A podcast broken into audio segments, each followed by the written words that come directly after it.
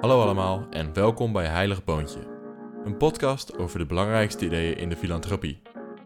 Ik ben jullie host, Brendan Hedden, en in deze aflevering gaan we het hebben over waarom goede doelen coaching en begeleiding nodig hebben.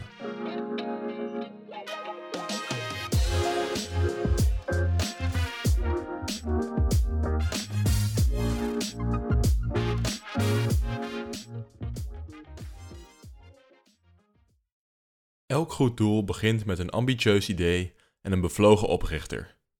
Maar wat maakt dat sommige uitgroeien tot wereldveranderende organisaties, terwijl andere nooit echt van de grond komen?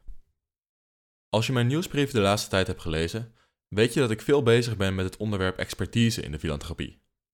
Ik denk bijvoorbeeld dat we meer organisaties nodig hebben die goede doelen evalueren, zodat we expertise creëren over wat werkt en wat niet werkt.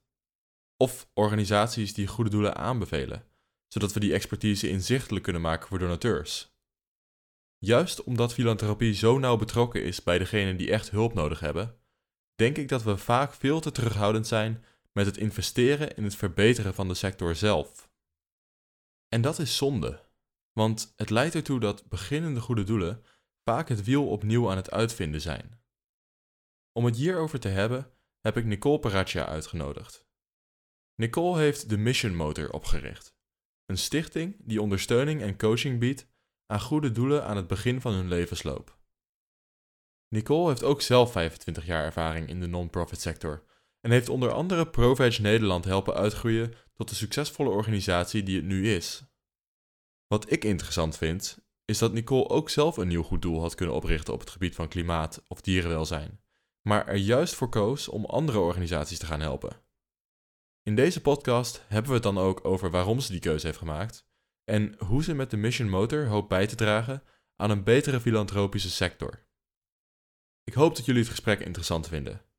Vergeet je niet te abonneren op Heilig Boontje in je podcast-app en, als je graag artikelen over filantropie leest, je ook in te schrijven voor Heilig Boontje op Substack.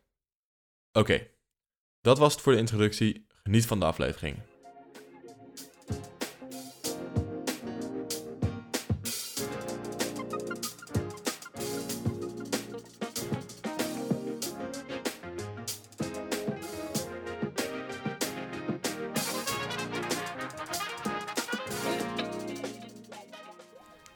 Oké, Nicole, welkom bij Heilig Boontje, de podcast.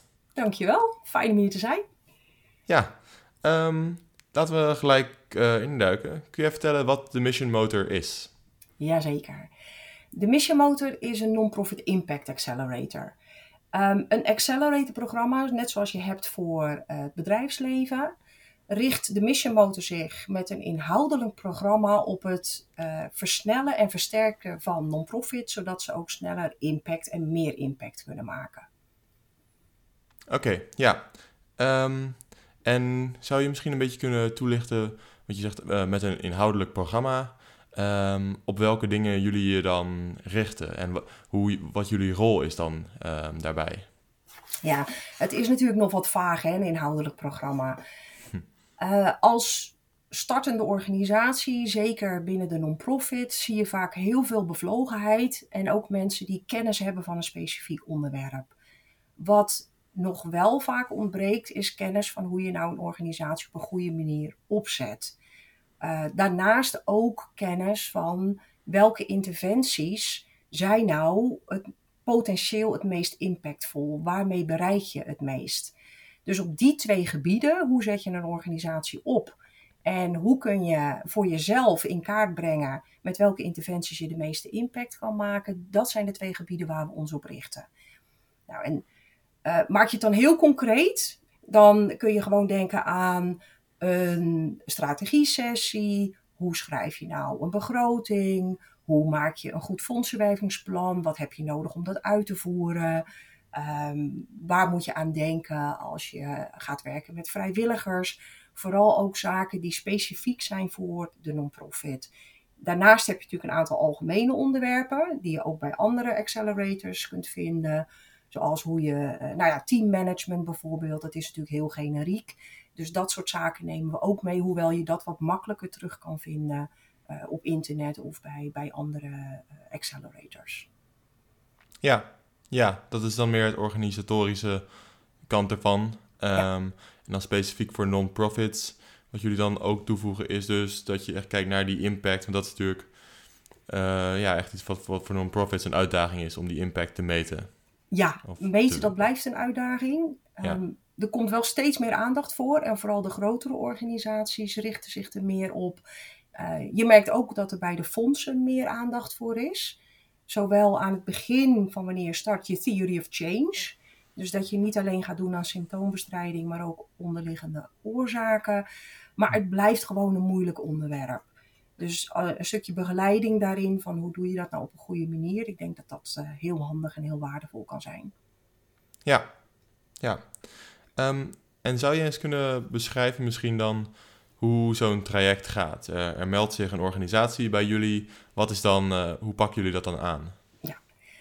Het eerste waar we naar kijken is het gebied waar een organisatie werkt. Dus welke uh, onderwerp, welk topic area. En daarbij kijken we vooral naar hoe effectief altruïsme dat aanpakt. Uh, de neglected areas, zoals ze dat noemen, verwaarloosde gebieden. Dat zijn onderwerpen waar nog relatief weinig geld en aandacht naartoe gaat maar waar ook potentieel heel veel goed te doen is. Heel veel te bereiken valt, veel impact is te maken, waarbij je uiteindelijk vooral gaat kijken naar hoeveel goed kun je doen met 1 euro. En dat probeer je te maximaliseren. Ja, dat is stapje 1. En van daaruit hebben we al een aantal gebieden uh, geïdentificeerd die we zelf heel belangrijk vinden. Uh, dat is klimaat, een stukje dierenwelzijn met een focus op uh, de bio-industrie of de intensieve veehouderij. Maar ook bijvoorbeeld preventieve gezondheidszorg. Dus dat is stapje 1. Op welk gebied werkt een organisatie? Even, ja, even over dat stapje 1. Um, ehm, ja. Een organisatie komt dus, als ik het goed begrijp, ik denk dat ze vaak bij jullie komen met al een onderwerp ja, klopt. Uh, in gedachten, toch? Dus klopt. Um, gaan jullie er dan samen naar kijken van Um, waar binnen dat onderwerp is, is ruimte, is, is, uh, ja. waar is een verwaarloosd stukje? Of um, ja, als zij gewoon met een onderwerp komen, neem ik aan dat ze dat al soort. Is dat, soms ligt dat al vast, kan ik me voorstellen. Dat ligt heel vaak al vast. Dus ja. um, misschien moet ik zelf zeggen dat er nog een fase nul is. En dat is dat we zelf op zoek gaan naar de, ja, naar de organisaties binnen de aandachtsgebieden die we zelf al geïdentificeerd hebben. daarnaast worden we inderdaad ook benaderd. Eh, zo zijn we laatst benaderd door een organisatie die zich vooral richt op vissen.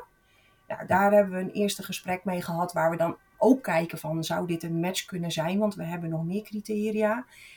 Um, waarbij we dan al een beetje gaan aftasten, uh, wat hebben jullie nu voor ogen? Welk, welk soort vissen wil je je richten? Is dat uh, de vis in de kom in de huiskamer of de grote oceaan of iets wat daartussen zit? En ben je bereid om daarin uh, te gaan nadenken over hoe je, daar, hoe je de meeste impact kunt bereiken en eventueel ook iets, iets kunt bijsturen. Um, dus ja, dat is, dat is eigenlijk de eerste, het goede onderwerp. En dan binnen het onderwerp ook weer de meeste impact maken. En daarnaast een aantal algemene dingen waar we naar kijken. En dat is of een, in, of een organisatie ook uh, het leuk vindt om te leren. Dus wil je leren uh, hoe je dingen het beste kunt doen? Ben je gericht op impact maken en focus? Ben je daar ook toe bereid? Want vaak moet je daarmee ook een stukje, nou haast ego wil ik zeggen, opzij zetten. Je, je moet met veel andere mensen willen praten en uh, uh, gezamenlijk tot een, een betere focus komen. Dus kan je, het is een organisatie daar ook echt toe bereid. En dan komen we bij hele praktische dingen als in welke fase van, de organisa van een organisatieontwikkeling zit je. Zit je echt nog helemaal in de pioniersfase of, of al wat meer in de basisfase? Uh, heb je specifieke uitdagingen als organisatie waar je naar wilt kijken? Uh, als, dat, als we dat gedaan hebben, dan kunnen we de stap maken naar het maken van een plan van aanpak. Dus wat heeft deze organisatie nodig? En wat we dan ver, verwachten te gaan zien is dat de organisatie een deel eigen uitdagingen heeft, waar ze wat specifieke ondersteuning op nodig hebben. Maar daarnaast ook een aantal algemene uitdagingen van de onderwerpen die ik net al een beetje noemde, waarbij we uh, workshops en trainingen kunnen aanbieden voor een groep van organisaties tegelijk. Dus het uiteindelijke traject zal bestaan uit een stukje specifiek voor de organisatie, Uh, een stukje algemene ondersteuning, workshops en trainingen. Daarnaast ontwikkelen we wat tools en templates die ook specifiek voor de non-profit zijn. Bijvoorbeeld een fondsenwervingsplan en hoe kom je nou tot een goed fondsenwervingsplan. Uh, en dat wordt dan ondersteund door twee wekelijkse coachingsgesprekken. En dat is iets wat we specifiek hebben toegevoegd, omdat we gemerkt hebben dat organisaties die trainingen volgen daar vaak heel erg enthousiast over zijn. Uh, ook op een dag best wel veel opsteken en leren. En vervolgens op het werk komen, uh, de e-mails gaan wegwerken, de afspraken gaan doen. Uh, en binnen een week is nou, het overgrote deel van wat je hebt geleerd en wat je dacht te gaan toepassen, is een soort van verdwenen. Dus door die coachingsgesprekken willen we die voortgang erin houden. En daarnaast is het heel goed om vinger aan de pols te houden of een organisatie tegen specifieke dingen aanloopt. Een drempel, soms hele kleine vragen. Uh, laatst kreeg ik van een startende organisatie let, de, de vraag van joh, kan ik eigenlijk de AMPI-status al aanvragen? De organisatie had alles op orde, voldeed aan alle criteria, maar durfde net de stap niet te wagen. Nou ja, dan is zo'n coachingsgesprek is heel simpel. Oké, okay, check je alle boxen, heb je het formulier, nou vul hem in, stuur hem op en klaar. Zo simpel kan het soms zijn. En het is zonde als een organisatie dat dan niet doet uh, en daar, daarin blijft hangen. Dus ja. ja. Ja, als ik dit zo hoor, en uh, ja, verbeter me maar als ik mis heb, maar uh, klinkt het alsof het echt wel een beetje is ook um, hoe vroeger in het stadium van zo'n organisatie ze bij jullie komen, hoe meer jullie eigenlijk voor ze kunnen doen, of niet? Ja, uh, kijk, wij ondersteunen op dit moment pas drie organisaties. Dus dat is echt nog wel pril. Dus ik, ik wil nog niet ja. al hele grote conclusies trekken. Nee, precies. Um, maar als ik kijk naar wat wij uh, kunnen bieden. En, en ook mijn ervaring binnen de non-profit sector. Ik heb bij hele grote organisaties gewerkt. Maar ook bij startende organisaties. Denk ik inderdaad dat we het meeste uh, bij kunnen dragen aan de relatief startende organisaties. Dus of in de pioniersfase of net die fase erboven, dat je al wat stabieler wordt. Ik denk ja. dat ten eerste omdat we uh, daar ook heel veel kennis uh, over in huis hebben. Maar ook omdat die organisaties nog een hele grote groeicurve kunnen maken, een hele grote impactcurve. Dus ja. ik sluit niet per definitie de hele grote organisaties uit. Um, maar ik denk dat we uit gaan komen bij de wat, uh, wat kleinere organisaties. Ja. Ja, nou ook omdat je zei van uh, soms dat het even vereist dat iemand even een klein beetje ego aan de kant zet. Of zeg maar dat je even ja. je moet misschien moet aanpassen of zo. En dat is natuurlijk veel moeilijker in een, ik kan me voorstellen, een grote organisatie die al, laten we zeggen, vijf jaar of tien jaar ja. dingen op een bepaalde manier op een bepaalde manier doet en vormgeeft. Ja, ja. ja, de, ja dat is absoluut waar. Dat klopt. Ja, um, oké. Okay.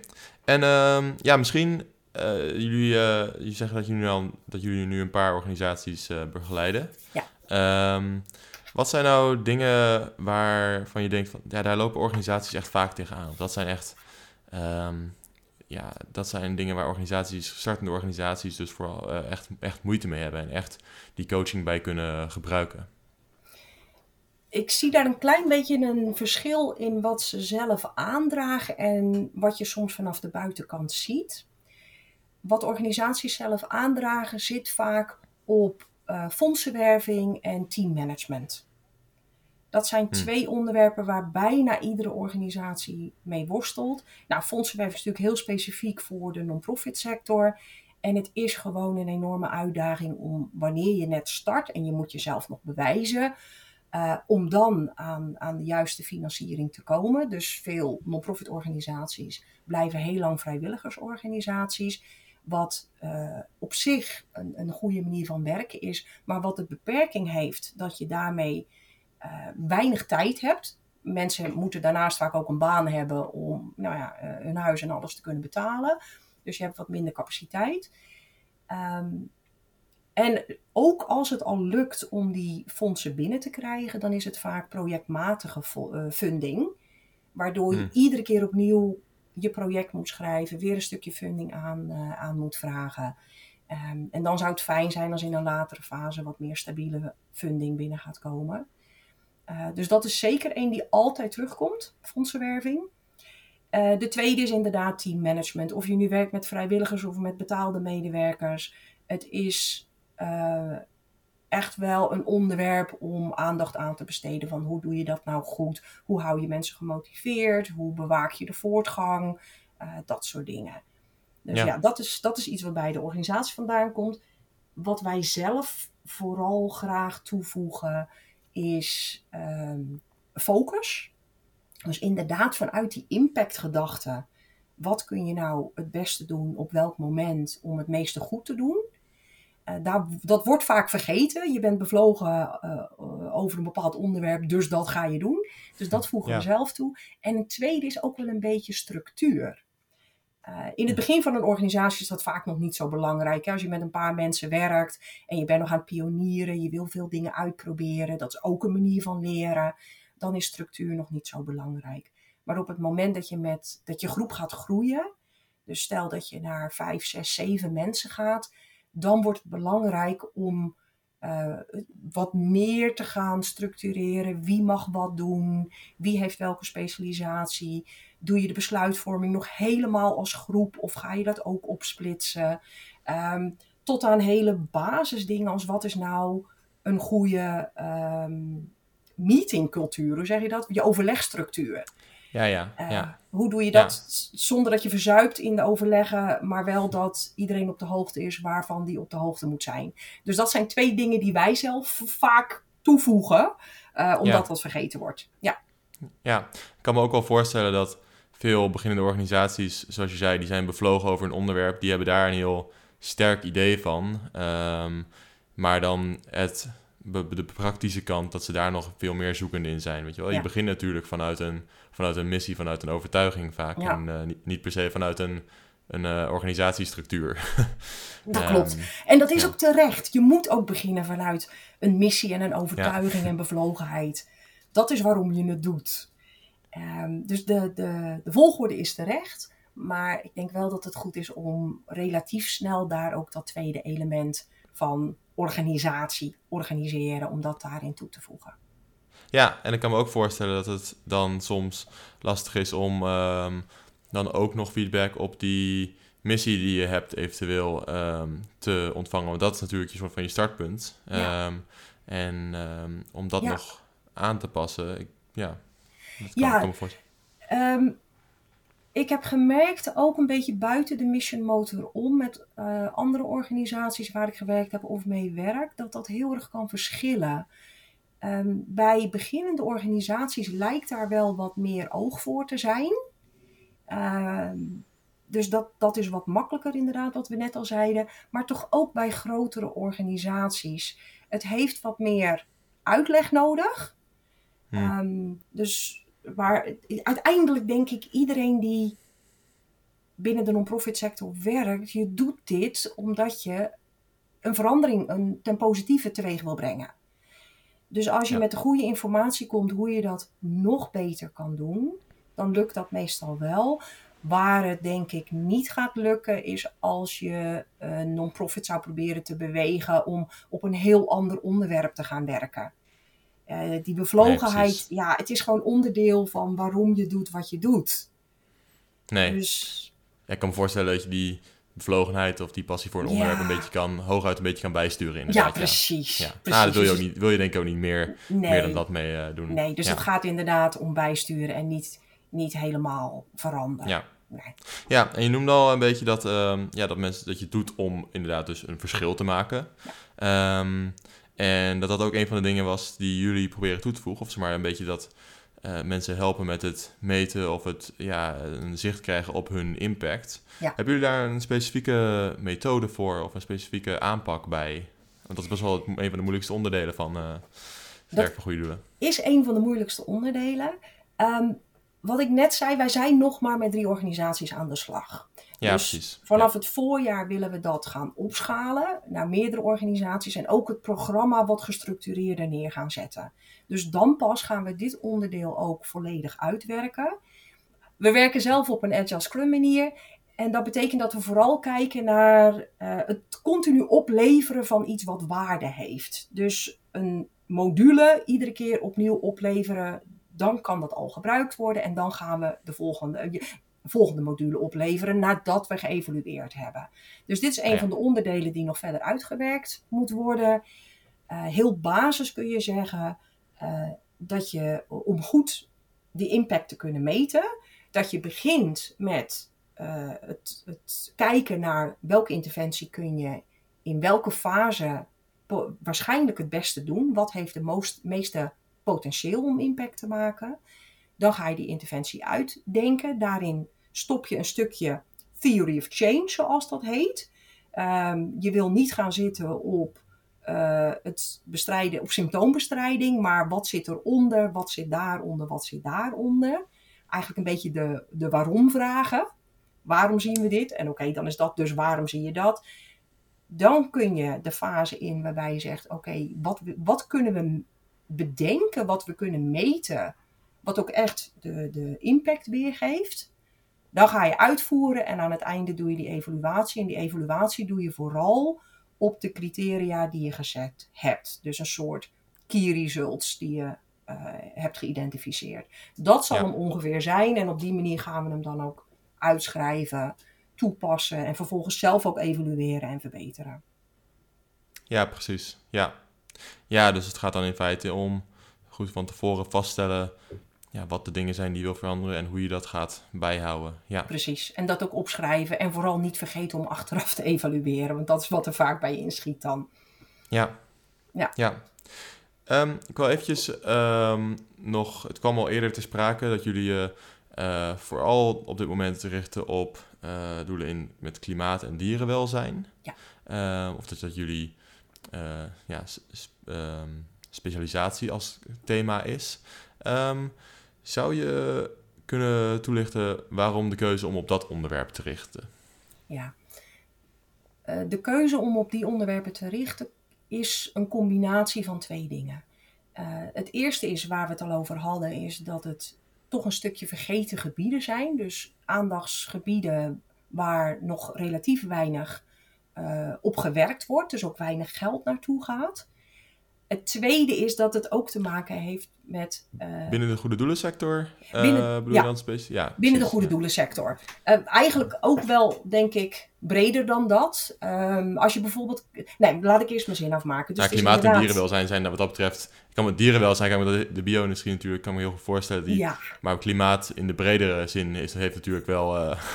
dat heeft heel veel meer aandacht. Ja. Bij, wat je ziet bij klimaat is dat de aandacht toeneemt. En ook binnen de filantropische sector de aandacht toeneemt, maar dat dat nog heel erg zit op de energietransitie.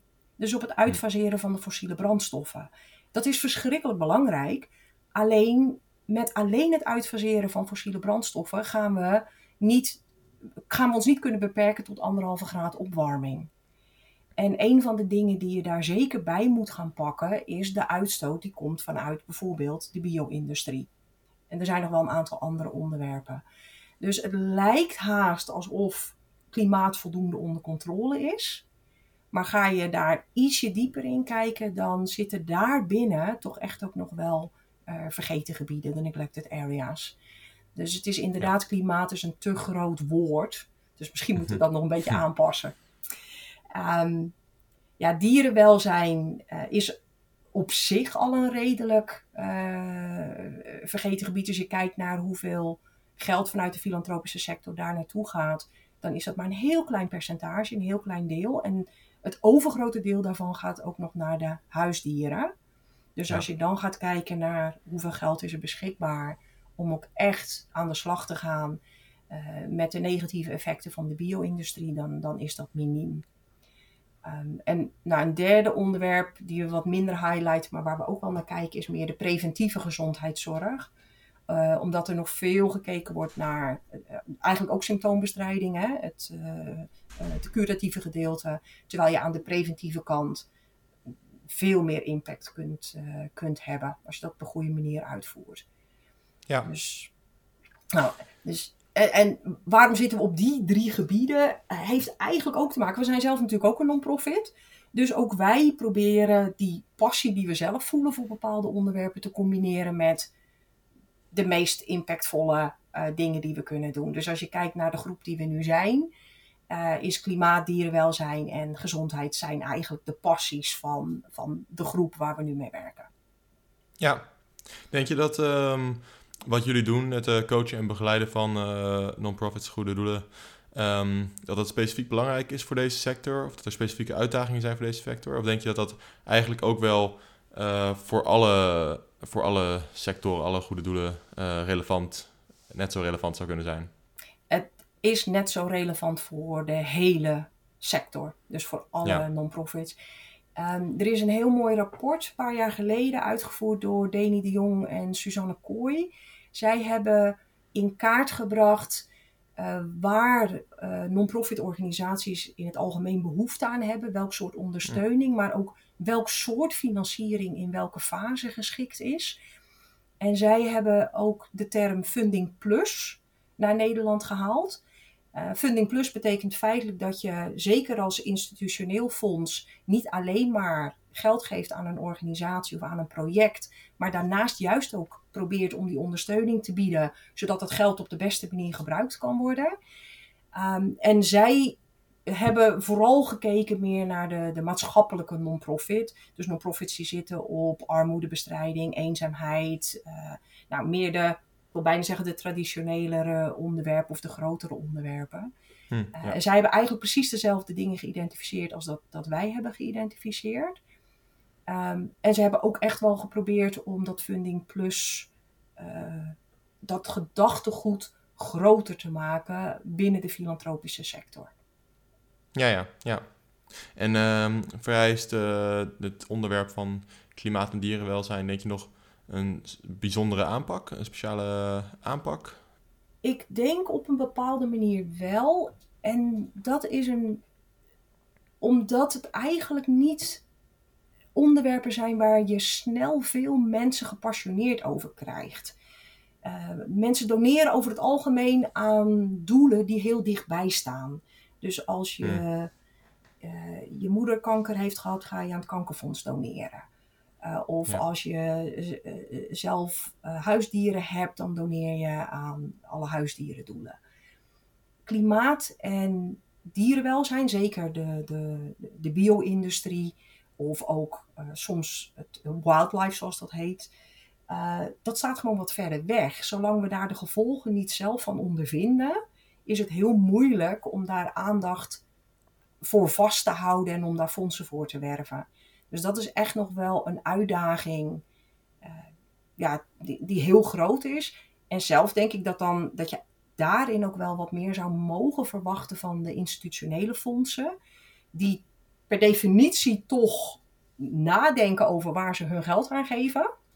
Ja. Uh, en daar ook wat meer mee dan aan de, aan de slag gaan. Van de individuele donoren is dat wat moeilijker. Daar heb je natuurlijk de effective altruïsme beweging in, die gelukkig ook aan het groeien is.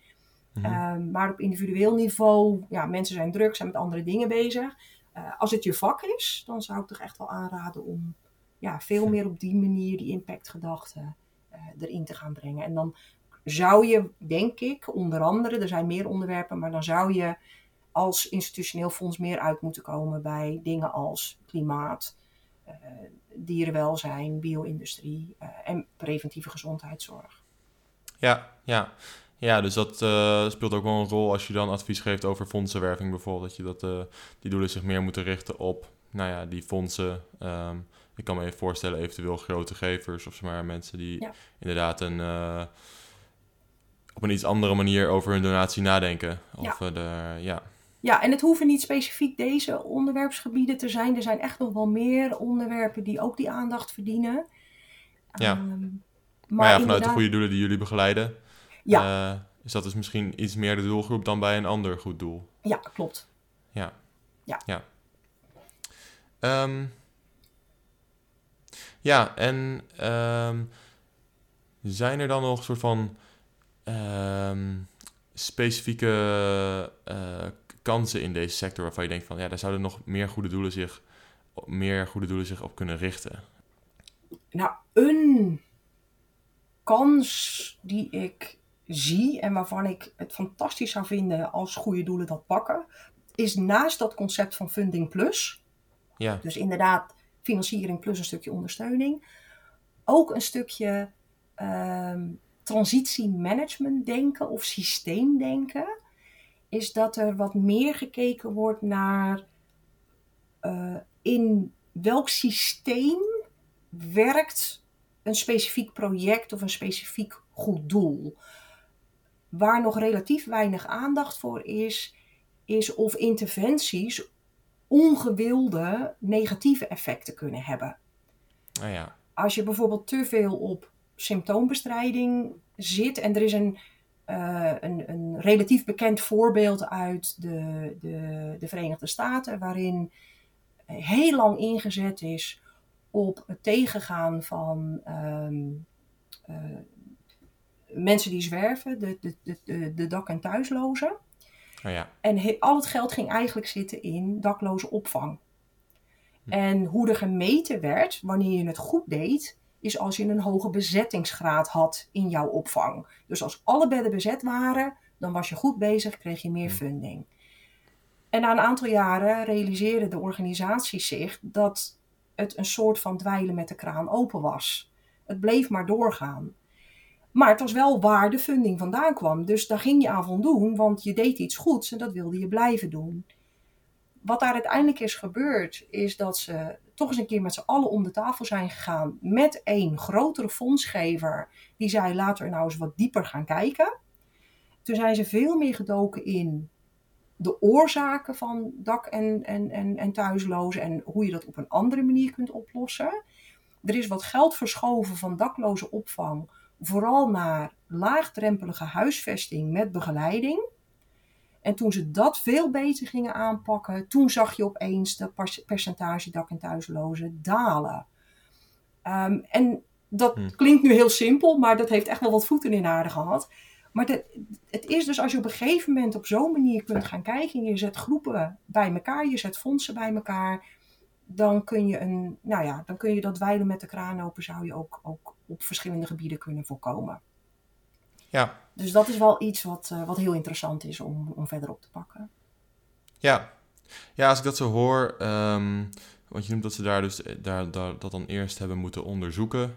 Um, dus dan hebben eerst natuurlijk moet, zijn er eerst fondsen, is er eerst geld gegaan naar dat onderzoek. Um, en één ding wat mij vaak opvalt als ik naar de goede doelensector kijk, is dat vooral individuele donateurs ja, heel erg terughoudend zijn bij het idee van geld dat niet direct naar Ja. bijvoorbeeld een dakloze opvang gaat. Ja, Um, dat gaat naar een onderzoek of naar een organisatie of naar dat soort dingen. Ja. Um, dus ja, misschien om het even te hebben over het belang van een soort van, um, ja, in jullie geval coaching, maar ik denk in het algemeen expertise uh, in de filantropie. Uh, want jij had ook natuurlijk zelf een goed doel kunnen oprichten voor klimaat uh, en dierenwelzijn, maar je hebt ervoor gekozen om je op die coaching te richten. Um, ja, misschien kun je die, die keuze even toelichten en waarom je denkt dat dat nou echt is wat de filantropie nu nodig heeft. Oeh, ik hoor meerdere vragen. Waar zal ik beginnen? Mijn eigen keus. Ja. Uh, mijn eigen keus komt vanuit impactgedachten. Ja. Ik wil. Um, ik, ben, ik ben mijn hele leven al een beetje een wereldverbeteraar.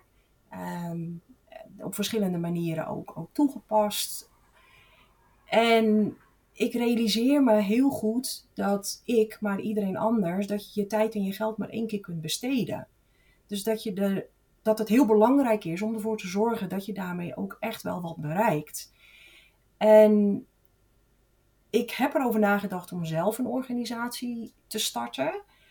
Alleen denk ik dat door dat gebrek en die aan ondersteuning en die behoeften die we wel gezien hebben, door dat gat te gaan vullen, Mhm. is dat de impact die ik kan maken vele malen groter is door anderen te helpen dan door het zelf te doen. Dus daar komt mijn eigen keuze vandaan en dat moeten we gaan meten of dat ook echt zo gaat werken. Uh, maar dat denk ik wel. Dus mijn eigen keuze komt vanuit die impactgedachte. Ja. En daarnaast inderdaad dat de, het, het, het denken uh, vanuit donateurs en soms ook vanuit fondsen, dat het heel belangrijk is dat al het geld wat er gedoneerd wordt direct naar het helpen van nou ja, de, de mensen of uh, anderen gaat die, waarvoor dat geld bedoeld is. Um, waardoor je heel erg gaat kijken naar uh, hoe efficiënt een, een, een organisatie zijn geld besteedt. Dus zo min mogelijk moet blijven binnen de, de interne werking van een organisatie. Zo min mogelijk geld moet naar medewerkers, naar fondsenwerving, naar een, kantoor moet zo goedkoop mogelijk. Uh, en zoveel mogelijk geld naar het doel zelf. Nou, daar zit een bepaalde logica in. Maar als je het op een andere manier bekijkt, als je juist wat meer investeert in het, het goed nadenken over wat je wanneer doet, of uh, inderdaad eh, groepen bij elkaar halen om een, een, een heel systeem te verbeteren. En je gaat dan kijken wat het effect is en hoeveel impact je kunt hebben per euro, dan is de impact per euro gedachte, wat mij betreft, een veel belangrijkere dan hoeveel van mijn euro gaat naar dat doel. Want dat, die euro gaat naar dat doel omdat je impact wil maken. Dus ja, het is net even over die brug heen. Um, ja. Dus ja, ik hoop wel dat er steeds meer op die manier gedacht gaat worden. Ja, precies. Ja, ja want um, dat is uh, misschien ook wel een interessant voor mensen te weten. Hoe um, worden jullie door de goede doelen die jullie benaderen uh, betaald? Of zeg maar uh, gevend? Of is er, is er een ander model achter? Daar zit een ander model achter. Ja. Uh, omdat we vooralsnog vooral werken met goede doelen die in, de, in de beginfase zitten. Dus, ja. Hebben ze per definitie geen geld om coaching of, of trainingen in te kopen. Ja. Dat is ook juist dat gat wat we willen vullen. Dus uh, het kan zijn dat we op termijn een kleine bijdrage vragen, maar dat moet dan ook echt wel bewezen worden dat het vragen van een kleine bijdrage bijvoorbeeld de betrokkenheid vergroot. Dat zou een reden kunnen zijn waarom we een bijdrage vragen. Uh, maar dat zal niet de hoofdmoot zijn. Dus onze eigen financiering moet uit een andere hoek komen. Dus we zijn zelf eigenlijk ook een organisatie die aan fondsenwerving doet. Um, dat kan voor een deel bij institutionele fondsen vandaan komen. Bijvoorbeeld als zij uh, hun eigen beneficiënten willen laten begeleiden. Ja. Dat zou een heel mooi model kunnen zijn. Uh, daarnaast kijken we ook naar uh, de, de, donoren zoals jij en ik, de gewone mensen, die wat meer vanuit impactgedachten willen bijdragen aan een initiatief zoals dit. en daarvoor zijn we ook een groep van donateurs aan het opzetten om de Mission Motor te ondersteunen. En ik, ik doneer ook zelf aan mijn eigen organisatie. Ja, ja. En is dat een beetje makkelijk? Lukt dat een beetje om de individuele donateur? Ik kan me inderdaad, wat je zei over fondsen die bijvoorbeeld hun eigen goede doelen die ze steunen willen laten begeleiden. Uh, Zo'n fonds kan natuurlijk iets meer uitzoomen en denken van, kijk, dat is een toegevoegde. Maar ik kan voor een ja. individuele donateur dat het wel lastig is om te denken van, oké, ik ga dit jaar uh, mijn donaties uh, verdelen en ik ga ook even aan een coachende organisatie ja. geven. Um, omdat die directheid, die, dat is dan toch weer een stapje verder. Precies. lukt het een beetje om individuele donateurs op die manier te benaderen? Het lukt. We zijn met een aantal mensen in gesprek. En wat ik merk is dat er in ieder geval interesse is. Dus mensen vinden het een mooi ja. concept. Het mm -hmm. heeft ook wel wat uitleg nodig, hè, zoals wij nu ook zitten te praten. Ja. En dan merk ik dat het enthousiasme ook komt. Wat ik daarnaast ook merk, is dat veel van de mensen waar ik mee spreek, zeker degene die meer vanuit effectief altruïsme of de impactgedachte werken, ook al heel veel doneren aan uh, de doelen die de uitvoering geven. Ja, ja. Dus ja. daarin moeten we ook kijken van ja, zijn wij aanvullend genoeg? Brengen wij echt iets, iets zo vernieuwends en potentieel impactvols mee? Dat, uh, dat dat ook interessant wordt voor andere donoren. Uh, dus het is hm. voor ons ook een uitdaging. Ja. Maar ik vind het ook super leuk om al die gesprekken te voeren en ook dat enthousiasme te merken. Dus ik, heb, ik denk wel dat het gaat lukken om uh, zoveel fondsen bij elkaar te krijgen, dat we in het voorjaar ook echt een gedegen programma kunnen starten. Uh, ja. Waarbij we denken aan een, een, nou minimaal tien organisaties of rond de tien organisaties die we dan als één cohort kunnen gaan, uh, gaan begeleiden. Ja, ja, want even voor de soort van beeldvorming. zover ik weet zijn er niet veel organisaties in Nederland in elk geval die zoiets doen als wat jullie doen, hè? Voor zover ik weet bestaat er geen enkele organisatie die dit doet. Er zijn wel wat initiatieven die een deel van, van wat we doen leveren. Het Oranje Fonds heeft een eigen programma voor een aantal van hun beneficiënten. Ik denk dat dat het dichtst bij komt bij wat de Mission Motor doet. Daarnaast zie je dat een aantal fondsen ook wat losse workshops geeft aan hun beneficiënten. Of soms ook um, uh, het concept van de nieuwe gevers. Ik weet niet of je dat kent. Dat is een, ja. ja een organisatie die uh, vrijwilligers heeft die vooral advies geven en soms een korte periode ook wel iets mee kunnen werken. Uh, dus er zijn ook fondsen die daar de kosten van dragen dan, zodat een, een non-profit dat gratis, daar gratis gebruik van kan ja, maken. Die matchen dan vrijwilligers met expertise aan een goed doel, hè? Exactly. En dat is een heel mooi initiatief. Alleen dat zijn initiatieven die ook een, allemaal een beperking hebben. Ja. dan wel omdat het alleen voor de eigen beneficiënten is dan wel omdat het een, een kortdurend iets is. Ehm, dus voor zover ik weet is er niets vergelijkbaars. Internationaal zijn er wel wat vergelijkbare initiatieven. En daar kijken we natuurlijk ook naar. Uh, en op sommige uh, onderdelen wellicht ook samenwerking. Binnen de UK en um, uh, ook bijvoorbeeld het ProVeg Grants Program. Dat zit redelijk in de buurt. Hoewel we nog geen initiatief hebben kunnen vinden wat naast een programma bijvoorbeeld ook dat stukje coaching en af en toe een klein stukje onder job meewerkt, dat ze die elementen ook meepakken. Maar we kijken zeker naar samenwerking en uh, leren van anderen, maar ook het uitwisselen uh, van alles wat we aan het ontwikkelen zijn. Uh, er komen bijvoorbeeld allerlei kleine tools en templates, noem ik het maar even. Ik heb nog geen mooi Nederlands woord daarvoor gevonden. Mm -hmm, ja. um, een, bijvoorbeeld een document waar je doorheen kunt lopen om te bepalen hoe je je fondsenwerving het beste kunt opstarten. Of ja. een document wat je door alle stapjes heen leidt voor het werken met vrijwilligers. Waarom wil je werken met vrijwilligers? Wie heb je dan nodig? Waar vind je ze? Waar moet je aan denken? Verzekeringen, dat soort dingen. Nou, zodra we dat soort elementen min of meer af hebben, gaan we dat op de website zetten. Dus naast het feit dat we dat gebruiken met de organisaties die we ondersteunen, wordt dat ook open source. Het wordt toegang, gratis toegankelijk voor anderen. Ja. En zo zijn er nog wel een aantal andere organisaties in Nederland die ook al wat van dat soort tools of webinars of workshops hebben ontwikkeld. En daarin zijn we dan aan het kijken, kunnen we samenwerking uitgaan dat ook wij niet het wiel opnieuw gaan uitvinden voor de hm. dingen die al bestaan. Want dat is juist zo zonde. Dat is waarom we dit doen. Het voorkomen dat het wiel opnieuw uitgevonden moet worden. Dus nee, helemaal vergelijkbaar is er niet. Maar zeker voldoende initiatieven waar we mee zouden kunnen samenwerken en kunnen, uh, de dingen kunnen uitwisselen. Ja, ja, nee, ik denk, ik denk, dat het inderdaad een goed punt is. Want dat er heel veel van deze losse onderdelen een soort van wel rondzweven of uh, ja. bestaan, inderdaad. Ja. Precies. Um, maar dat, het, dat, je, dat jullie uh, een soort een totaalpakket uh, ja. kunnen aanbieden. Ja.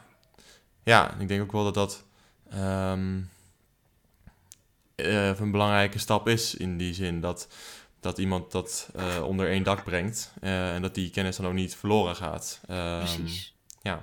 Ja, ja, dat is echt zonde. Um, ja, en als mensen nou meer willen weten over jullie organisatie, um, waar kunnen ze dan terecht? Of als ze in contact willen komen met jullie? Ik zou zeggen, kijk vooral even op de website www.themissionmotor.org. Daarop zie je in heel globaal uitgelegd wat we doen, maar je vindt ook de, uh, de, de, de, e-mailadressen. Je kunt gewoon contact opnemen met uh, iedereen binnen de organisatie. En als je zegt van nou, ik wil eigenlijk een vraag live bespreken, nou ja, live in dit geval dan online, dan kun mhm. je bij mij ook een, uh, via Calendly een afspraak inplannen. En als je dan van tevoren aangeeft van joh, ik heb deze vraag, kunnen we het er even over hebben, dan, dan kan dat altijd. Ja, en dat zijn dan mensen die jullie willen ondersteunen met jullie werk, maar ik neem aan, misschien, ik weet niet of je hoeveel plek jullie hebben. Want jullie noemen dat jullie een traject aangaan. Ook goede doelen die uh, begeleid naar begeleiding op zoek zijn, toch? Hoeveel, ja, eh, het is zowel goede doelen die naar begeleiding op zoek zijn. als mensen die zeggen van nou, wellicht wil ik de Mission Motor wel op de een of andere manier ondersteunen. Boek een afspraak in, dan kijken we wat we kunnen doen. Ook voor non-profits die we uiteindelijk niet mee kunnen nemen in zo'n cohort. Uh, er zijn altijd wel kleine dingetjes die we kunnen betekenen. Uh, tools, templates die we kunnen delen. Of wanneer we een workshop organiseren, dat het wellicht niet beperkt blijft tot het aantal organisaties dat we ondersteunen, maar dat we dat ook wat breder kunnen trekken. Uh, dus ja, neem hoe dan ook uh, contact op. Wellicht dat het niet lukt dit voorjaar om organisaties mee te nemen. Maar ik ja. denk wel dat we ja, bijna, voor bijna iedereen wel, wel iets kleins kunnen betekenen. Ja, want in het voorjaar starten jullie een, een nieuwe ronde ja. aan. Uh, ja, precies. Oké, okay, nou uh, duidelijk. En ja, een super interessant verhaal. Um, uh, ja, het sluit ook helemaal aan. Ik heb laatst ook zelf een stukje geschreven over de, de overhead myth. En ja, waarom mensen toch zo terughoudend zijn om uh, dat geld naar, niet direct naar uh, de mensen in nood te zien gaan. Maar dat het, hoe noodzakelijk dat is om wel uh, te investeren eigenlijk in de filantropie en de structuur eromheen. En de soort van organisatiecapaciteit om er echt het meeste uit te halen. Ja. En ik vond het heel interessant om um, jouw kant daarvan te horen en iemand te spreken die daar ook daadwerkelijk mee bezig is. Ja, ja heel graag gedaan. En ik ik, ik volg graag alles wat je schrijft en de podcast die je maakt. En daar steek ik ook weer allerlei dingen uit op. Dus heel fijn. Thanks. Ja, dankjewel. Dat was het weer voor deze editie van Heilig Boontje. Ik wil graag Nicole bedanken voor het delen van haar kennis en haar verhaal. En natuurlijk jullie bedanken voor het luisteren. Als je meer wilt lezen of luisteren, kun je naar heiligboontje.substack.com gaan. Daar vind je al mijn podcasts, al mijn artikelen en kun je je inschrijven om updates te ontvangen. Nogmaals, ik hoop dat jullie het een leuk gesprek vonden en tot de volgende keer.